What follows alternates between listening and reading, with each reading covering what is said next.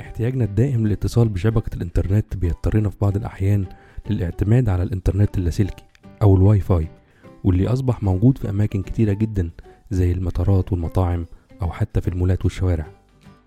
وعلشان نحمي بياناتنا السرية أو معلوماتنا الشخصية من الخطر اللي ممكن تتعرض له لما نستخدم شبكة الواي فاي لازم نتبع بعض الخطوات.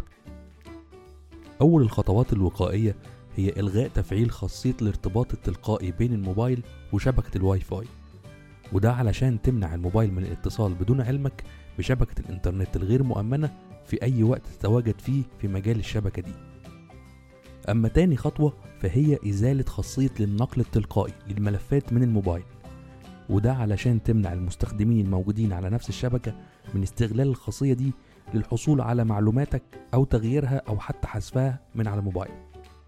الخطوة الثالثة هي تفعيل برنامج ال firewall المتخصص في صد محاولات الاختراق اللي ممكن تتم على جهازك. وممكن تحصل على البرنامج ده من خلال متجر التطبيقات اللي موجود على النظام التشغيل الخاص بموبايلك.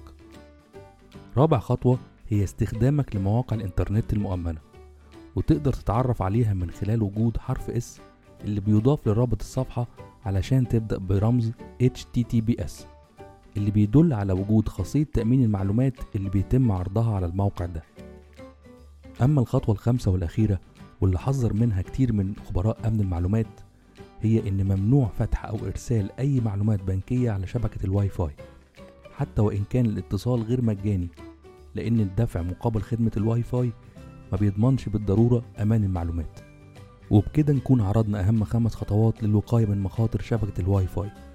كان معاكم من موقع ويب ماستر محمد أبو سعود.